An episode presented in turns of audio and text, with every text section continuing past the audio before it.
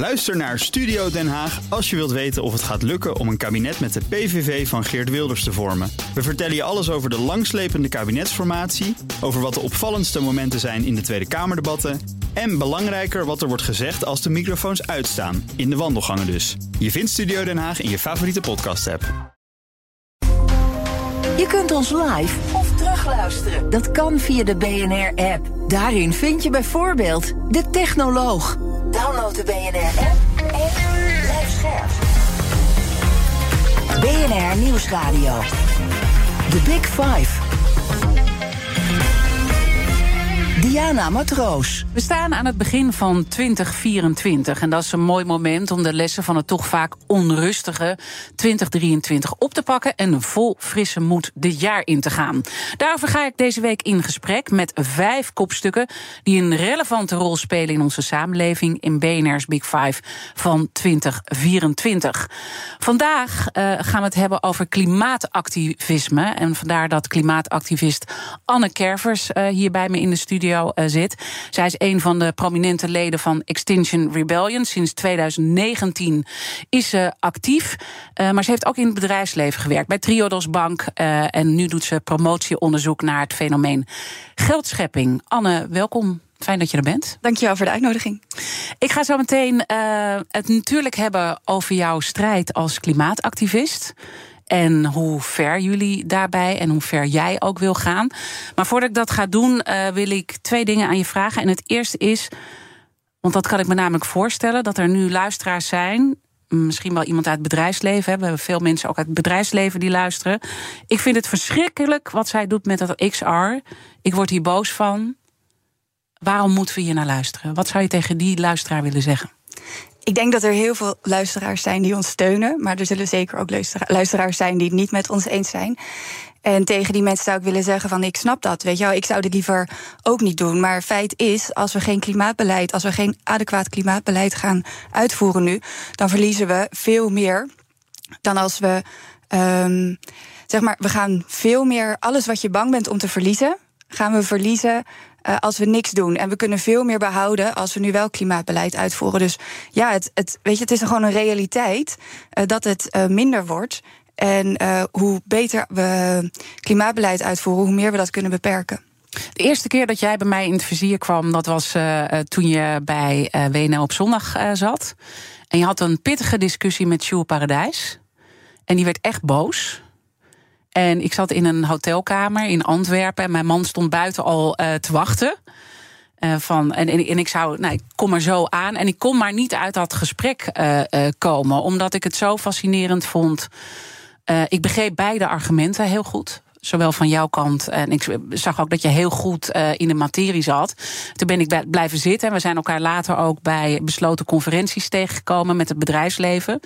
Waar we verder niks over uh, kunnen zeggen. Maar ik dacht van, ik vind het belangrijk om ook met jou in gesprek te gaan. Omdat jullie gewoon een hele grote rol hebben gehad dit jaar.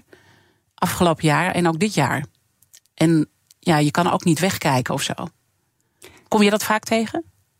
Um dat niet dat wegkijken? Nou, dat mensen ook wel zeggen, steeds meer ook. Um, we gaan straks meer de diepte in op het bedrijfsleven. Maar dat er toch ook steeds meer mensen zijn die zeggen: we moeten toch met jullie praten. Um, ja, en ik, ik sta daar verdeeld in. Ik denk, eh, enerzijds vind ik een gesprek zoals dit heel erg belangrijk. Anderzijds denk ik dat we ook moeten oppassen dat we niet een soort van uh, greenwashing tool uh, als greenwashing tool worden ingezet. Uh, maar een gesprek is heel belangrijk. Ik denk, het is heel begrijpelijk dat mensen hier, ja, het hier moeilijk mee hebben. En, met jullie acties? Ja, met de acties, maar ik bedoel eigenlijk vooral met klimaatverandering. Het is een onwijs ding wat er zeg maar op ons af gaat komen en op andere plekken in de wereld nu al heel veel schade aanricht. Mm -hmm. En ik denk dat het heel belangrijk is dat we daarover praten en ook hoe we daarmee om kunnen gaan. Ook emotioneel. Dat gaan we doen. En ik worstel zelf ook met, met jullie acties van, nou ja, gaat het niet allemaal uh, te ver? Als jij dan naar dit aankomende jaar uh, kijkt, wil, willen jullie als klimaatactivisten en jij ook nog verder gaan?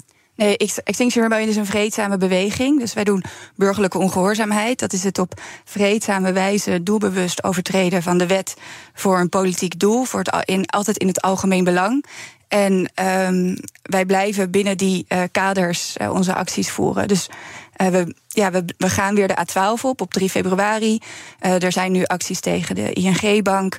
er is bijvoorbeeld, loopt er nu ook een campagne tegen Total. Zij willen een pijplijn aanleggen in Oeganda. Mhm. En in solidariteit met de Oegandese klimaatactivisten voeren wij daar nu ook actie voor.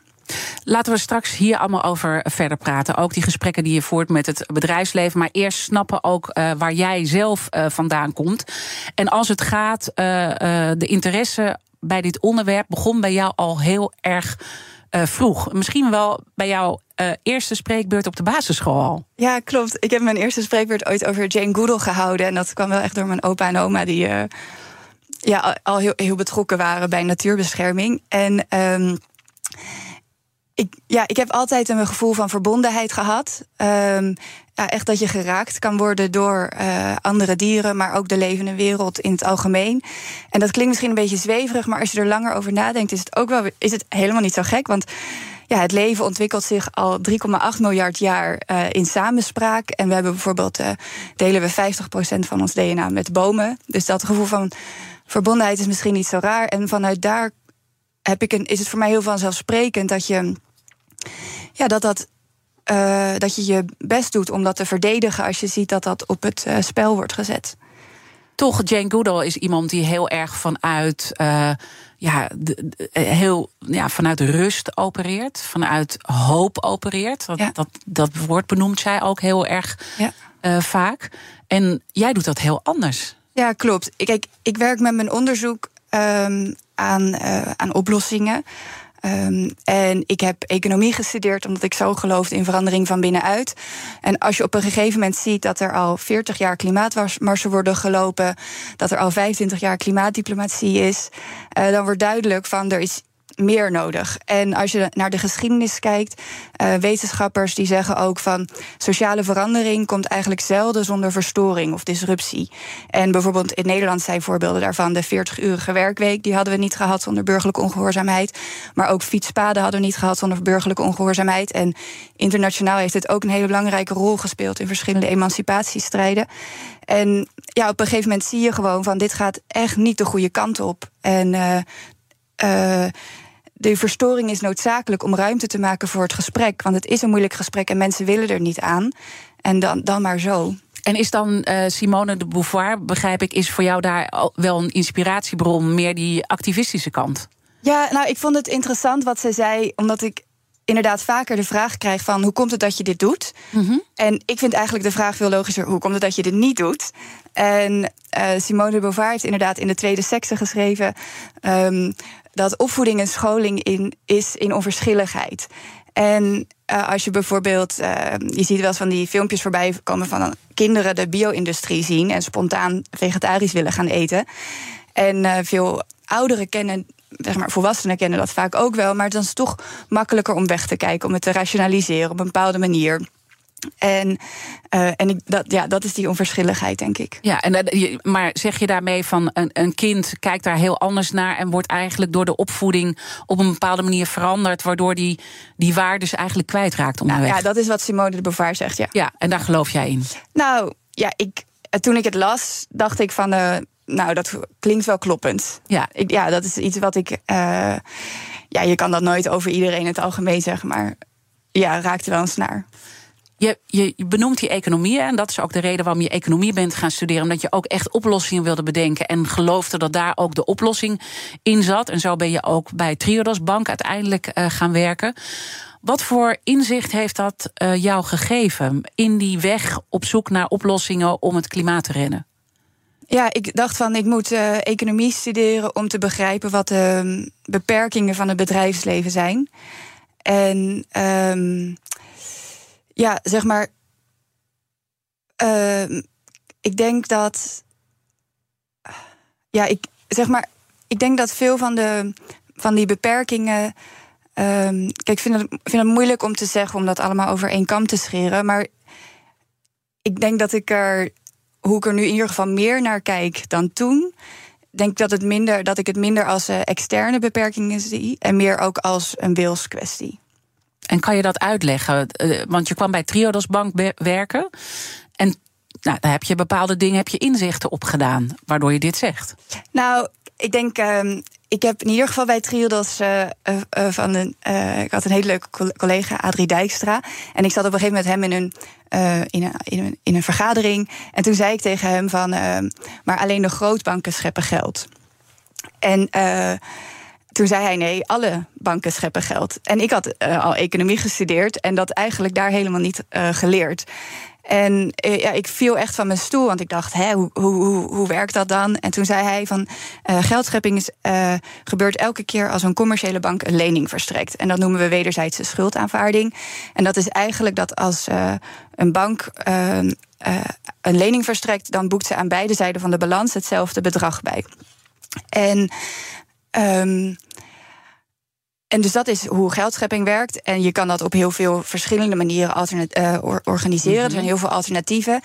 En het inzicht wat ik waar ik bij Triodos ben begonnen en waar nu ook mijn promotieonderzoek over gaat, is dat er een politieke dimensie zit aan hoe je dat organiseert. Dus dat geld niet per se neutraal is.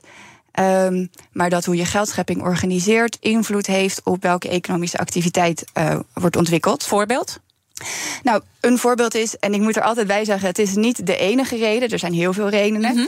Maar bijvoorbeeld dat geldschepping op basis van winstgevendheid nu wordt georganiseerd, speelt denk ik een rol in dat uh, er nog zoveel geld uh, wordt gecreëerd en dus leningen worden verstrekt aan de fossiele industrie. Want fossiele uh, industrie is voorlopig nog winstgevender dan hernieuwbare energie. En kijk, andere. Um, verklaring zijn uh, subsidies. Uh, daarom voeren we natuurlijk ook actie tegen de mhm. subsidies. Uh, maar ook misschien administratieve redenen. Er zijn zeg maar alle, allerlei redenen daarvoor. en ik denk dat dit een factor is die nu nog onderbelicht is. en daarom wil ik daar graag mijn onderzoek over doen. En je ziet bijvoorbeeld in klimaatfinanciering ligt de focus echt op beprijzing. En ik denk van er blijft nu een beleidsinstrument buiten beeld, namelijk geldschepping herzien. Mm uh, en dat is. Uh, ja, dat is echt een tekortkoming. Want er staat ons. We zitten in de grootst mogelijke noodtoestand. Dus we moeten alle middelen die we hebben inzetten om dit te beperken. Ja, en ik wil daar zo uh, wel wat tegenargumenten tegenaan uh, gooien. Maar voordat ik dat ga doen, ik neem aan dat je ook uh, daar met nou ja, de collega's over hebt gesproken. met, met de economen over hebt gesproken in die tijd. En, en deze mening ook hebt geventileerd. En wat is dan de reactie? Nou, het, dat verschilt een beetje. Binnen economie zijn mensen um, het er vaak niet mee eens. En dan wijs ik altijd naar de empirie. Dan kijk ik van, maar als we kijken hoe geldschepping wordt georganiseerd. En uh, ja, dan zie je dat dat gewoon concrete gevolgen heeft. En ook historisch is heel duidelijk dat het op een andere manier kan. Maar het interessante daaraan is, is dat Um, het is eigenlijk een hele basisaanname van de huidige economische wetenschap dat geld neutraal is. En bijvoorbeeld modellen van vraag en aanbod. Eh, en dat die zeg maar marktgedreven zouden zijn en dat daar geen politiek aan te pas komt. Ja, dat wordt onderuit gehaald als je zegt dat geldschepping wel een politiek vraagstuk heeft. Het is heel begrijpelijk uh, dat, zij, uh, ja, dat zij daar moeite mee hebben. De Big Five. Diana Matroos. Mijn gast is Anne Kerver. Zij is uh, een van de prominente klimaatactivisten bij Extinction Rebellion en promovendus economie aan de Universiteit van Amsterdam. En je hebt net ook verteld dat dat dus over die geldschepping gaat, want je wil echt het systeem omgooien. En je wil dus niet alleen actie voeren, maar ook oplossingen bedenken, begrijp ik. En daar heeft dat promotieonderzoek ook mee te maken. Ja, mijn, mijn, mijn inzet was echt oplossingen bedenken. En dan op een gegeven moment zie je uh, Petra Verdonk, een collega-activist van mij, die zegt altijd: de oplossingen zijn het probleem niet. Dan zie je, de oplossingen zijn er allemaal. Klimaatverandering het is, en de oplossingen zijn echt een politiek vraagstuk. Um, het is niet een financieel vraagstuk eigenlijk. En tuurlijk, er zijn financiële, er zijn zeg maar financiële, het is een, het is een onderdeel ervan, maar overwegend is het een politiek vraagstuk, ja.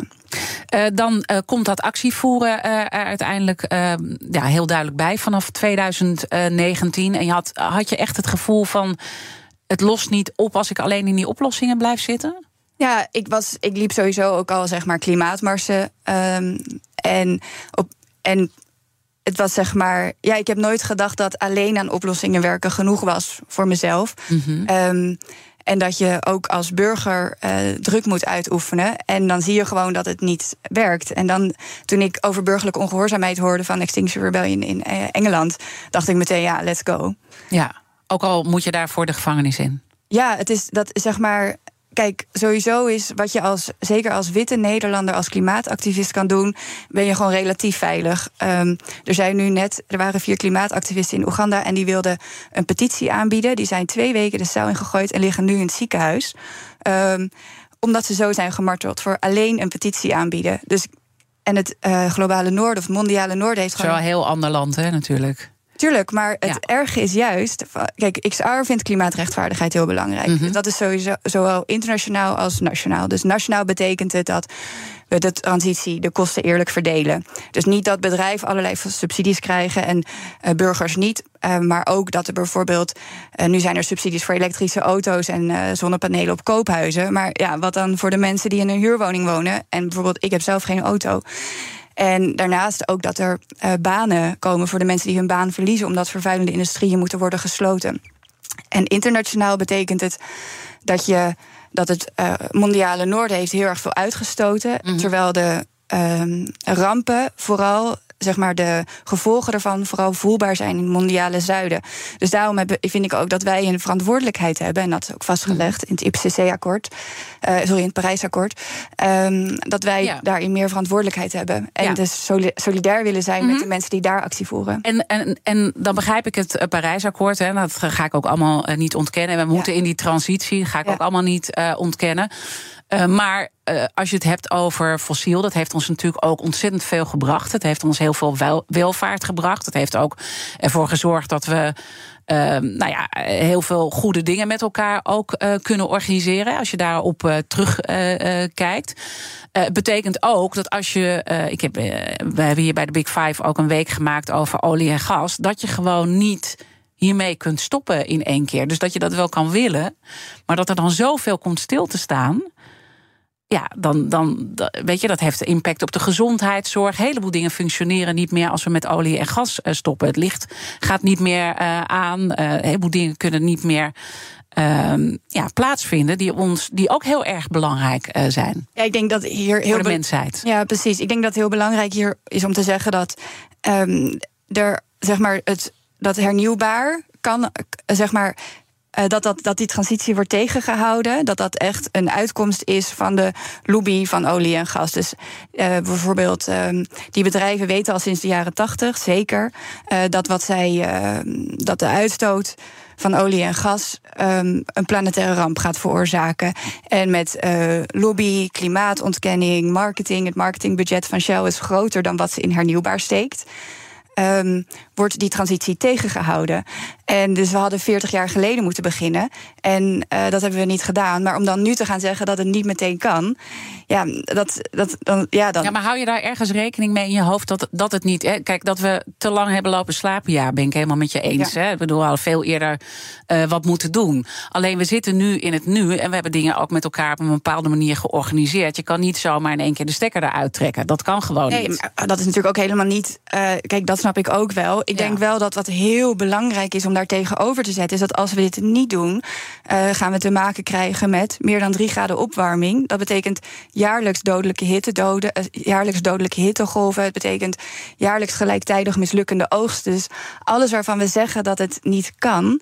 Um, ja, dat zeg maar, is dat alternatief? Ja, kan dat dan wel? En ik denk ook dat het zo is dat uh, je eigenlijk historisch ziet dat uh, er wordt gezegd dat dingen niet kunnen. En dan achteraf, als je maar genoeg uh, moed en, uh, en energie er naartoe laat gaan, dat het dan, dat het dan wel kan.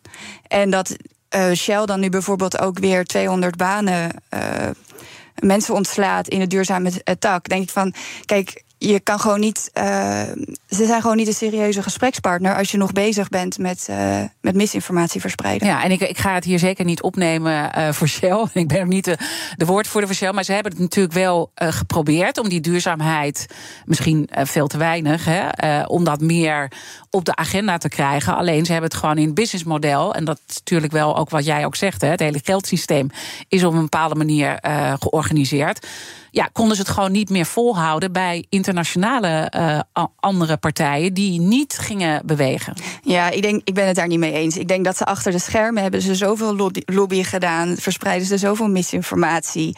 Ik denk ja, weet je, ik, ik vind met dat soort dingen, denk ik, met dat soort excuses, denk ik ook, kijk, als jij niet in staat bent om dit te doen, dan moet je plaats maken voor iemand anders.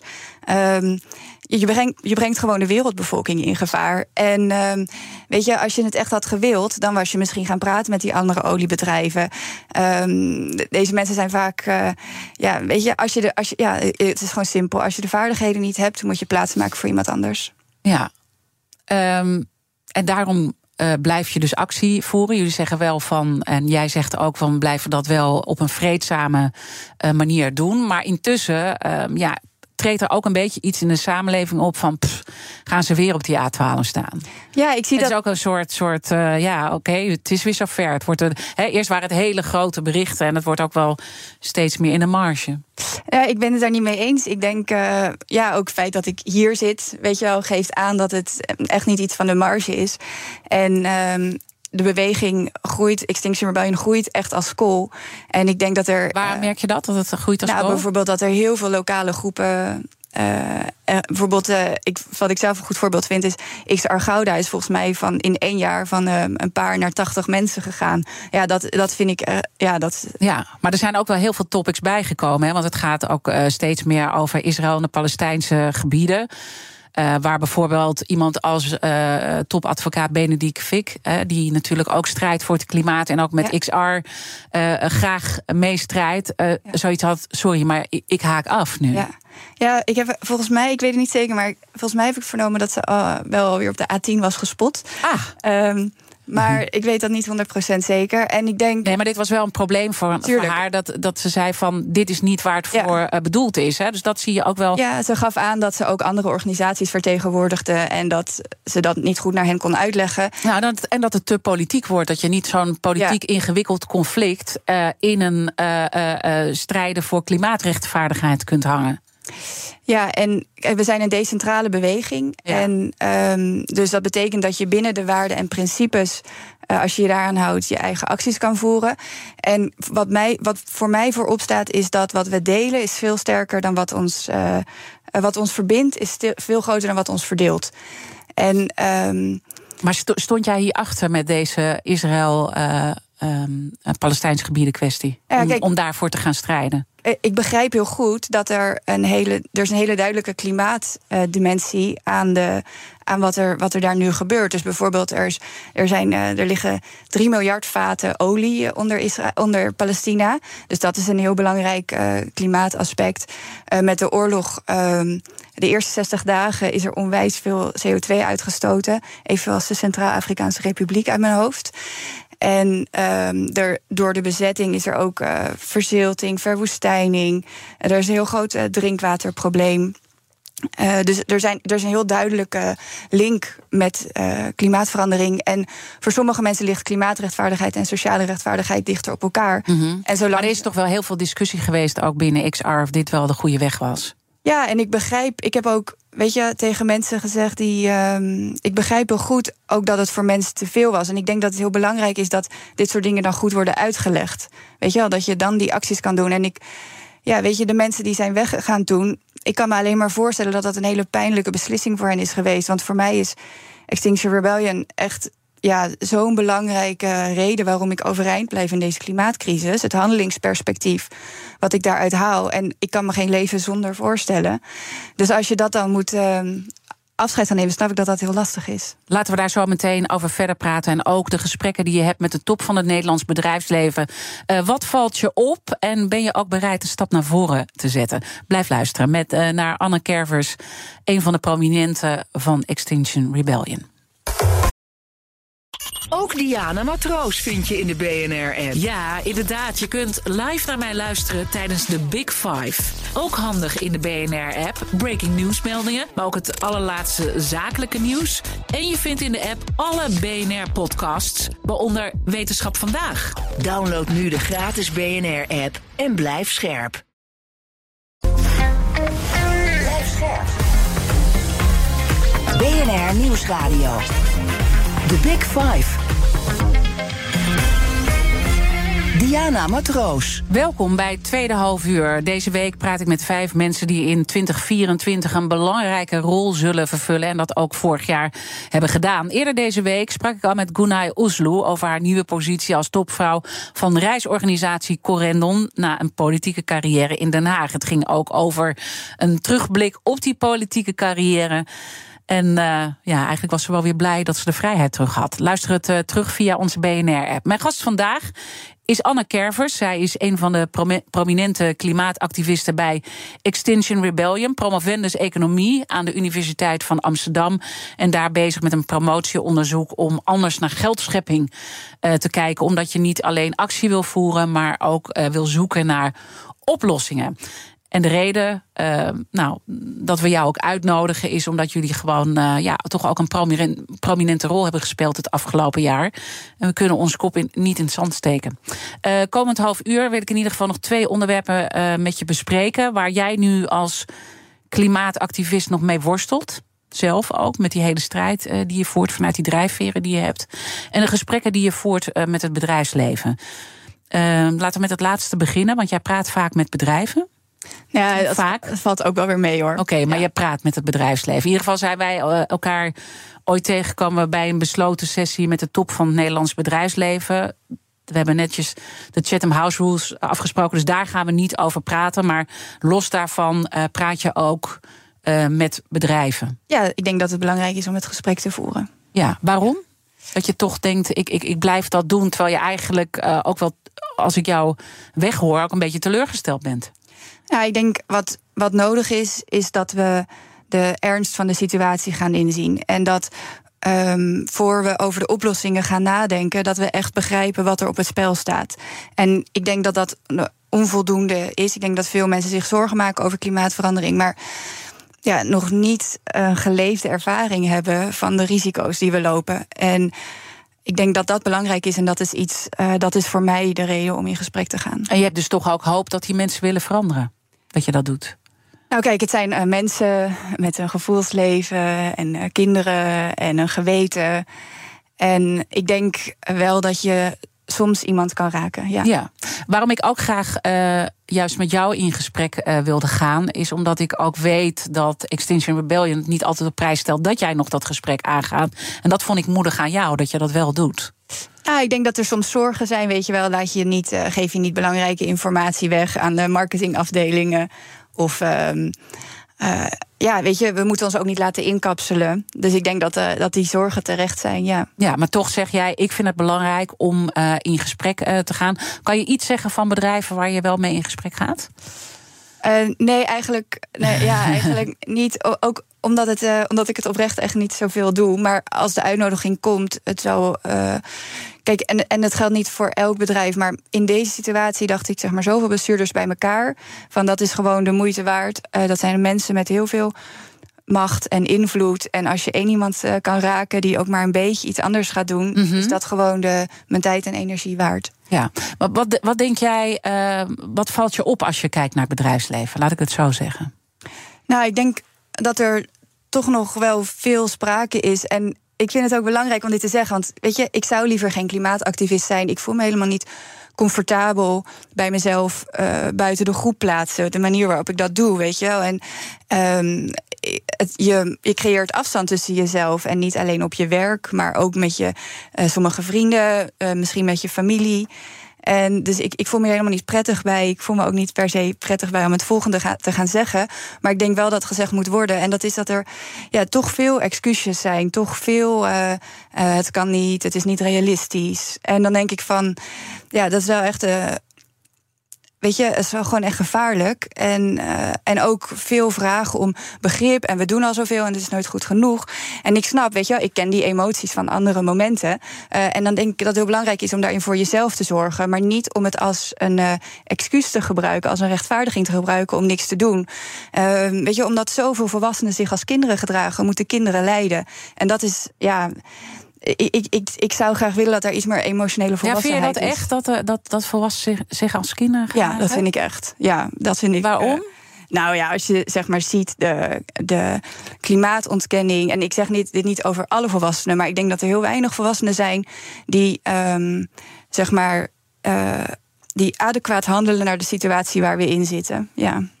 Misschien is het goed om hier de kettingvraag uh, bij te mm -hmm. pakken. Want onze gasten stellen elkaar ook uh, vragen. En in de vorige aflevering sprak ik met Joyce Sylvester. Zij is in het dagelijks leven dijkgraaf van Amstel, Gooi en Vecht. Maar ook voorzitter van de Staatscommissie tegen discriminatie en racisme. En zij had deze vraag voor jou. Uh, hoe ga je in 2024 een stap vooruit zetten? En wat bedoel ik daarmee? In mijn eigen nieuwjaarstoespraak, maar ook in alle nieuwjaarstoespraken die ik heb beluisterd van anderen, hoorde ik wel heel erg het woord: we moeten naar elkaar luisteren.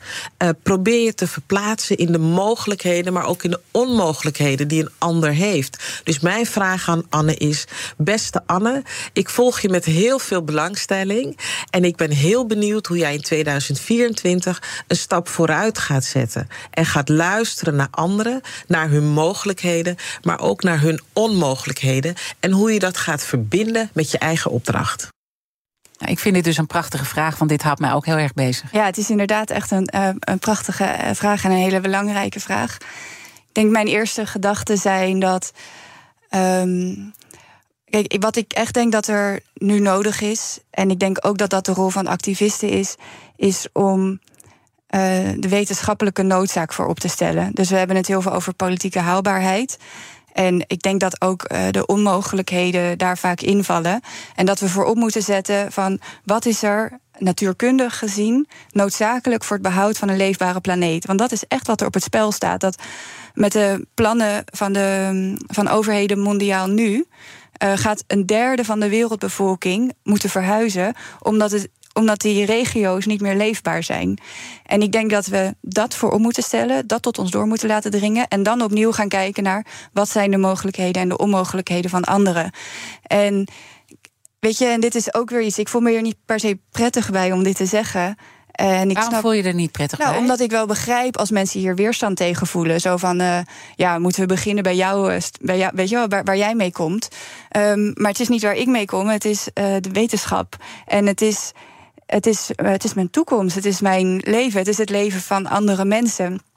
En ik denk dat als we beginnen bij de onmogelijkheden, uh, hoe serieus we die ook moeten nemen, dat we de wetenschappelijke noodzaak ja, toch prioriteit moeten geven. En bedoel je dan dat eigenlijk het begin van het gesprek moet zijn dat je naar elkaar uitspreekt: we hebben een probleem, want hier in de wetenschap, hè, dat je dat van twee kanten echt benoemd van we hebben een uh, probleem en dat je dat dus mist aan de houding van ja, bijvoorbeeld bedrijven. Mensen zijn toch nog vaak op zoek naar een midden of, of iets dergelijks. En mm er is geen midden als het op leefbaarheid van de planeet aankomt. Maar als, als die wetenschap erkend wordt, ben je dan vanuit daar wel uh, bereid? Want ik heb het gevoel dat jij zegt van ik mis dat dat wordt uitgesproken door die andere kant. En vanuit daar ben ik best bereid om te kijken waar we uh, uh, uh, waar ik ook naar voren wil stappen. Maar eerst ja, ik denk... moeten we de wetenschap centraal zetten. Ja, ik, ik denk het wel. Want zolang, we, zolang er niet, zeg maar, mensen dat niet serieus nemen. Je kan op basis van een gemankeerde probleemanalyse niet over oplossingen gaan praten. En ik denk dat de probleemanalyse nu echt heel gemankeerd is nog. Want waar merk je dat aan dat die zo gemankeerd is? Nou, bijvoorbeeld, weet je wel, ik vond het interessant wat de CEO van Corendon zei: van uh, ja, we moeten wel een beetje, uh, ja, we willen dat graag serieus nemen, dus dan gaan we een beetje minder vliegen. Ja, dan, ja daarmee gaan, gaan we het gewoon niet redden. Weet je wel, een beetje meer treinen. Nee, dat, weet je wel, op die manier gaan we er gewoon niet komen. Mm, dat maar zij zeggen ook: het is gewoon uh, reëel dat mensen gewoon niet minder gaan vliegen. En dit is ook belangrijk in het leven van mensen, dat ze, dat ze reizen en dat ze ja, even. daar heeft ja. iemand die in een is overleden in een hittegolf in India afgelopen zomer echt geen boodschap aan. En die hitte, hittedoden gaan alleen maar toenemen. En hetzelfde met de overstromingen in Pakistan, de bosbranden in Hawaii, zeg maar, noem maar op. Recht op vakantie, nee, waar, waar, heb je het over? Weet je wel? Ja. Dat gaat bij jou, slaat dat helemaal uh, de plan. Ik, hou, ik ja. hou ook van op vakantie gaan, maar ik denk niet dat ik een recht heb of Weet je, en ook als ik vakantie nodig heb, ja, dan moet ik dat invullen op een manier waarmee ik niet de rest van de wereld uh, naar de. Ja. ja. maar het gaat er ook om dat we natuurlijk naar een verandering uh, uh, toe gaan waar ook draagvlak voor is. Hè? Want je ja. kan, ik bedoel, ik snap jou wel. Precies. En daarom denk ik dat die realiteitszin zo belangrijk is. Dat mensen begrijpen dat er is geen vakantie meer in 2050. Uh, niet, ik was zelf kamperen in Winterswijk deze zomer. Uh, kamperen in Winterswijk zit er ook niet meer in. Als we niet gewoon nu serieus uh, actie gaan ondernemen. Ook Liesbeth Staats vind je in de BNR-app. Ja, heel handig. Luister live naar Kees en mij tijdens de Daily Move. Dan blijf je ook gelijk op de hoogte van breaking news en het laatste zakelijke nieuws. En daar vind je ook alle BNR-podcasts, waaronder de Perestrooikast. Download nu de gratis BNR-app en blijf scherp. BNR Nieuwsradio. The Big Five. Diana Matroos. Je luistert naar BNR's Big Five van 2024. Voel ik me intussen weer helemaal schuldig dat ik in die Uber stap. Word ik echt keihard hier afgerekend. Goed, uh, uh, eerder deze week sprak ik met Marten Kruijf. Hij is voormalig commandant der landstrijdkrachten. Dat gesprek ging over zijn zorg dat de oorlog steeds dichter uh, bij huis komt. En dat de NAVO ja, zich ook echt aan het voorbereiden is op een derde wereldoorlog. Ik wil niet zeggen dat het er komt, maar wel, je ziet allerlei stappen. En wij worden ook intussen voorgelicht dat we van alles in huis moeten halen. Zoals radio's uh, um, op batterijen. Door de hoogste militair van de NAVO. Luister het gesprek terug via bnr.nl en de bekende podcastkanalen. Mijn gast vandaag is Anne Kervers, klimaatactivist bij Extinction Rebellion en promovendus economie aan de Universiteit van Amsterdam. Haar promotieonderzoek gaat dus over geldschepping. Um, je hebt net een kettingvraag uh, beantwoord, uh, maar die vraag gaat ook uh, door naar volgende week als mijn collega Art Rooijakkers weer een hele nieuwe week begint. En dat gaat over sociale media. En zijn eerste gast is Thijs Launsbach. Hij is psycholoog en auteur van onder andere het boek Asociale Media. Uh, dus dat is een mooie gast om uh, mee af te trappen als het over sociale media gaat. Maar wat zou jij aan Thijs Launsbach willen vragen? Ja, ik ben als. Um Kijk, ik heb zelf uh, ook. Ik denk dat klimaatemoties dat dat iets is waar meer aandacht voor zou moeten zijn. Dat bijvoorbeeld een deel van de weerstand is ook heel begrijpelijk, maar is misschien gedeeltelijk ook een copingmechanisme wat we echt kunnen oplossen als we daar ja, een beetje een maatschappelijke therapie eigenlijk voor ontwikkelen. En um, ik heb zelf ook heel veel klimaatemoties en ik vraag bijvoorbeeld uh, woede, verdriet, maar en ook rouw. En ik vraag me af wat zijn klimaatemoties zijn en hoe hij daarin voor zichzelf zorgt. Mooie vraag, die gaat zeker uh, gesteld worden. En dan is het misschien ook goed om uh, bij jouw emoties stil te staan. Want je, zei, je hebt een paar keer gezegd: Ik vind het ook niet leuk om uh, dit te doen. Ja. Ik vind het ook niet leuk om dit te zeggen. En ik maak ook niet iedereen in mijn privéomgeving er blij mee. Ja, ik denk, zeg, toen ik in 2019 bij XR begon, realiseerde ik me dat um, bij Extinction Rebellion is een beweging waarbij uh, zorg voor elkaar en uh, zorg voor de samenleving um, heel uh, centraal staat. Dus zorg voor de samenleving is dat we onze acties altijd op een hele veilige manier organiseren. Zeg maar, we willen zelf niet risico lopen. Uh, je zegt vreedzaam, dat is belangrijk. Dat blijven ja. we ook doen, terwijl ook daar discussie over is. Want er wordt ook gezegd, nou ja, er wordt uh, gezegd, er wordt, het kost zoveel politie inzet ook, dat die politie niet ander belangrijk werk kan doen, waardoor wij en dat dat gaat dus wel ten koste van veiligheid, maar dan op een andere manier, snap je? Ja, en ik denk dat er nog dat zeg maar geen klimaatbeleid is nog een veel groter risico voor de veiligheid. En uh, dus ja, goed, dat zou daar mijn antwoord op zijn, maar ik denk dat, uh, zeg maar, binnen uh, Extinction Rebellion zorgen we ook heel goed voor elkaar. Dus er is no, zeg maar, no shaming en blaming. Zeg maar. Als jij vliegt, het is allemaal goed. Het gaat om systeemverandering. Uh, dus wat je als individu doet. He, dus, dus, dus, mensen van XR mag gewoon wel vliegen? Ja, eh, ik heb wel eens iemand gehad die zei: Ik doe alles wat XR wil. Ik eet geen vlees, ik vlieg niet. En toen zei ik: Nou dat vraagt XR helemaal niet van jou. Ik weet niet waar dat vandaan komt dat je dat denkt. Nee, er zijn best wel uh, veel mensen die uh, niet vegan eten bij XR. Er zijn mensen die vliegen. Er zijn mensen die eerstehands kleding kopen. Zeg maar, noem het maar op. En dat ja. is omdat het. Oké, okay, dus ik hoef me toch niet zo schuldig te voelen over die Uber waar ik af en toe in zit. Want ik eet bijna helemaal vegetarisch. Ja, ja, ja. Uh, en ik koop heel veel vintage kleding. Ja, dus dat ja, is al het, het gaat echt vragen. om systeemverandering. En als individu okay. kan je op systemisch niveau via activisme, denk ik, veel meer bijdragen daaraan dan door je dieet bijvoorbeeld aan te passen. En als persoon moet je gewoon doen waar je je prettig bij voelt, weet je wel. Maar je moet iets doen, dat is, dat is wat je zegt.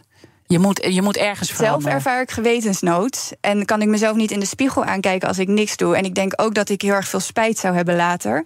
Uh, als ik nu niks zou hebben, mm -hmm. hebben gedaan.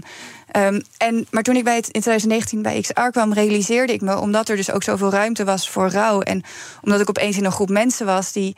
Um, ja, ik, ik ervaar soms de, alsof ik in twee werelden tegelijkertijd leef. Dus ik heb enerzijds is er de klimaatcrisis. Uh, maar in mijn dagelijks leven uh, is er allemaal fossiele reclame. Gaan al mijn vrienden op vliegvakantie. En dan is het een soort van alsof dat maar een film is. Terwijl eigenlijk is het dagelijks leven een film. Uh, en is de klimaatcrisis onze realiteit. En toen ik in een groep mensen was die dit op een vergelijkbare manier ervaart, realiseerde ik me wat een zeg maar zware emoties ik de hele tijd met me meetoste. Zeg maar weet je wel, je zorgen over de toekomst, maar ook boosheid. En uh, daar kwam toen ruimte voor. En ja, dus voor mij is mm actievoeren ook een vorm van therapie. En dat, ik ben ook deze zomer naar de klimaatpsycholoog geweest, uh, omdat ik merkte dat ik bepaalde vriendschappen uh, liet versloppen, als dat een werkwoord is. Mm -hmm. Versloffen? Versloffen. Mm -hmm. um, en niet omdat ik ik geef heel veel om, om die vrienden. Maar ik vond het gewoon zo moeilijk dat ze zeg maar zo niet handelen naar de urgentie van de crisis. En um, ja, en toen kwam ik tot het inzicht bij de psycholoog dat um, ja, het is eigenlijk een vorm van rouw op een heel fundamenteel niveau, iets wat heel belangrijk voor je is.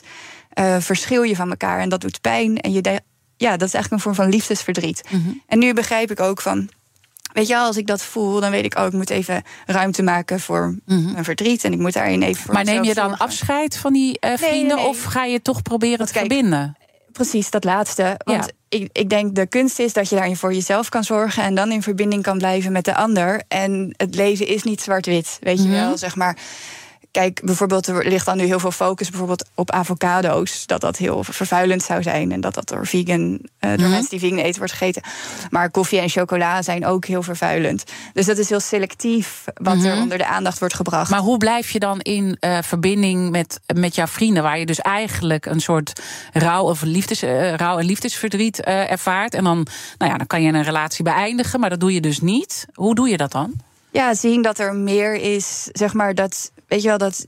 Um, ja, uiteindelijk is dat dat je andere aspecten van iemand waardeert. Um, en ook mensen nemen zoals ze zijn. Uh, accepteren dat ik ook door, weet je wel, dat zeg maar dat ik dit kan doen, dat dat niet alleen mijn eigen verdienste is, maar ook gedeeltelijk geluk of opvoeding.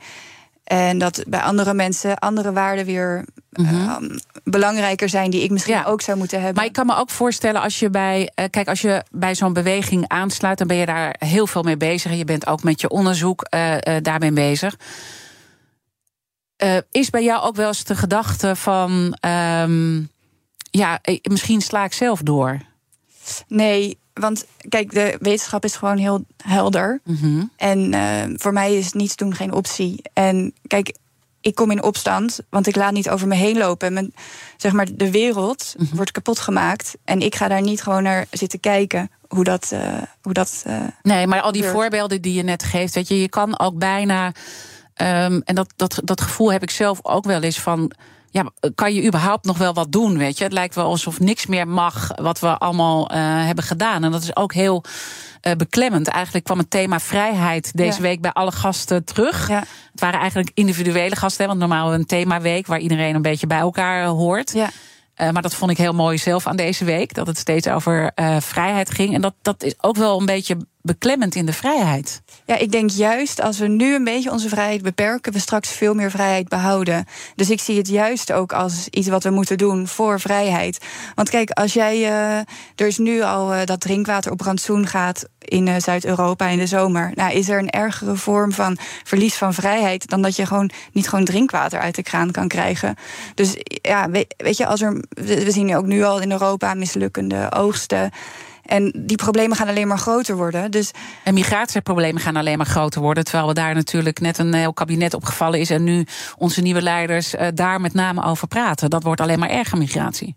Uh, precies, dus weet je, voor het behoud van vrijheid is klimaatbeleid juist heel belangrijk. En is het juist heel belangrijk dat we nu een klein beetje terug doen, zodat we zoveel mogelijk behouden. En dat is een, uh, ja. ja. misschien tegenstrijdig, maar ja, het is toch zo. Ja, en, en wat is dan jouw hoop voor dit jaar? Wat, wat, wat, wat, wat onze overheid gaat doen, wat de bedrijven nou, gaan doen, een soort stip op de horizon? Ik heb niet zoveel verwachtingen van de overheid natuurlijk. Um, nou ja, natuurlijk. De overheid, ja. ja. maar als je kijkt naar de weet je wel wat die partijen over klimaatverandering zeggen. Dat, ja, daar heb ik niet zoveel verwachting van. Het is heel duidelijk dat de overheid zich niet aan haar zorgplicht houdt. Ze heeft een grondwettelijke zorgplicht om ons te beschermen.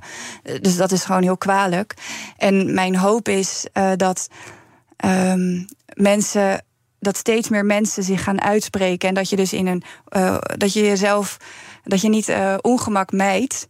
Um, maar ook als het gewoon vervelend is, dat je jezelf, dat je de moed vindt om je uit te spreken over de ernst en de urgentie van klimaatverandering. Ook als je in het bedrijfsleven werkzaam bent. Zeker als je in het bedrijfsleven werkt. En ik denk dat veel mensen denken dan van. Ik heb zelf bijvoorbeeld ook heel duidelijk. Ik, ik was een keer op een, uh, op een bijeenkomst waar ook de minister van Financiën, uh, Sigrid Kaag, toen sprak. En toen uh, was er ruimte voor vragen. En ik vond het doodeng om een vraag te stellen over de fossiele subsidies. Um, want ik dacht, ja, dan denk ik straks. Ik was met allemaal collega's en ook uh, potentiële werkgevers. En ik dacht van ja, dan denkt ze weer, oh, dan heb je Anne weer, weet je wel, komt ze weer met haar activisme. Maar toen dacht ik terug aan een filmpje dat ik had gezien van koala's die in de bosbranden van Australië in de boomtoppen zaten en gewoon wisten dat ze gingen verbranden. En ik hoorde hun geschreeuw in mijn oor. En toen dacht ik, dat is zoveel erger en enger. En ik moet alles doen om te voorkomen dat zeg maar, nog meer dieren doodgaan, dat andere mensen worden geraakt. En daar haal ik dan de moed vandaan om uh, over mijn eigen angst heen te stappen en die vraag te stellen. En weet je, ach, weet je, en uiteindelijk is een vraag stellen helemaal niet zo eng. En heel veel mensen vonden het achteraf een hele goede vraag. Dus het valt ook allemaal wel weer mee. Maar ik begrijp heel goed dat het spannend is om eigenlijk je sociale relaties op het spel te zetten. Maar heel veel mensen maken zich zorgen. En uh, waarschijnlijk vind je veel meer steun, steun dan je denkt. Je doet. Dank je wel dat je mijn gast uh, wilde zijn. En uh, ook jouw drijfveren daarbij wilde uitleggen. Anne Kervers van Extinction Rebellion. En natuurlijk zijn alle gesprekken terug te luisteren in onze BNR-app. Uh, abonneer je gewoon via je favoriete podcastkanaal. En blijf live. Zometeen zaken doen met Thomas van Zijl. Ik wens je een mooie dag en een prachtig weekend. Ook Liesbeth Staats vind je in de BNR-app. Ja, heel handig. Luister live naar Kees en mij tijdens de Daily Move. Dan blijf je ook gelijk op de hoogte van breaking news en het laatste zakelijke nieuws. En daar vind je ook alle BNR-podcasts, waaronder de Perestrooikast. Download nu de gratis BNR-app en blijf scherp.